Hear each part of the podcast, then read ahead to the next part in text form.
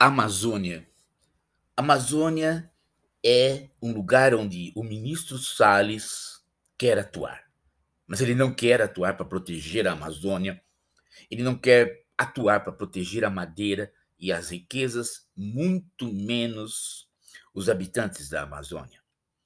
Salles quer transformar aquilo num parque de diversões e num lugar onde, pasme, gente, pasme, ele possa criar uma milícia. Exatamente isso. Ele quer militarizar forças, uma patrulha, ele quer criar uma patrulha para proteger a Amazônia, subordinada a ele.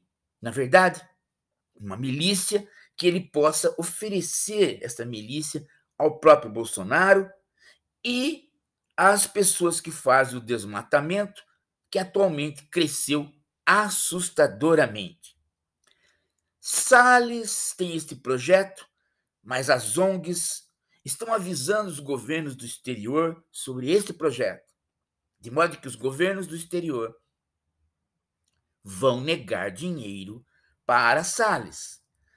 Tudo que Salles faz, as ONGs agora começaram a ficar mais atentas, principalmente neste período em que o próprio ministro está demitindo pessoas que cuidaram realmente da Amazônia.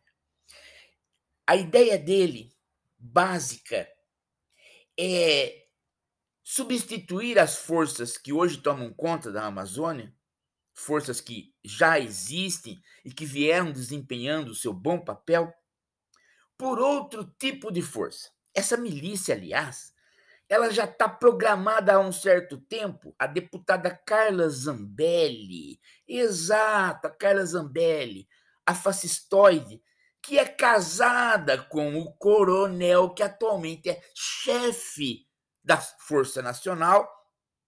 Este cara quer comandar a milícia. Ela já fez um projeto de lei nesse sentido. Salles apenas reitera esta ideia. E isto exatamente isto é que vai fazer com que o Brasil não receba nada do exterior. Porque as ONGs estão informando, e quanto mais nós não damos bola para esse assunto, mais Salles quer avançar. E somos obrigados, portanto, a nos proteger através da voz das ONGs, que é uma voz no exterior. E aí o Bolsonaro ataca, né? Ele fala: é, são os estrangeiros querendo nos proteger. Sim. No caso da Amazônia, sim. Os estrangeiros percebem o sentido da humanidade que nós não estamos percebendo. Nós precisamos mudar isso, gente. A nossa consciência ecológica ainda continua baixa, muito baixa.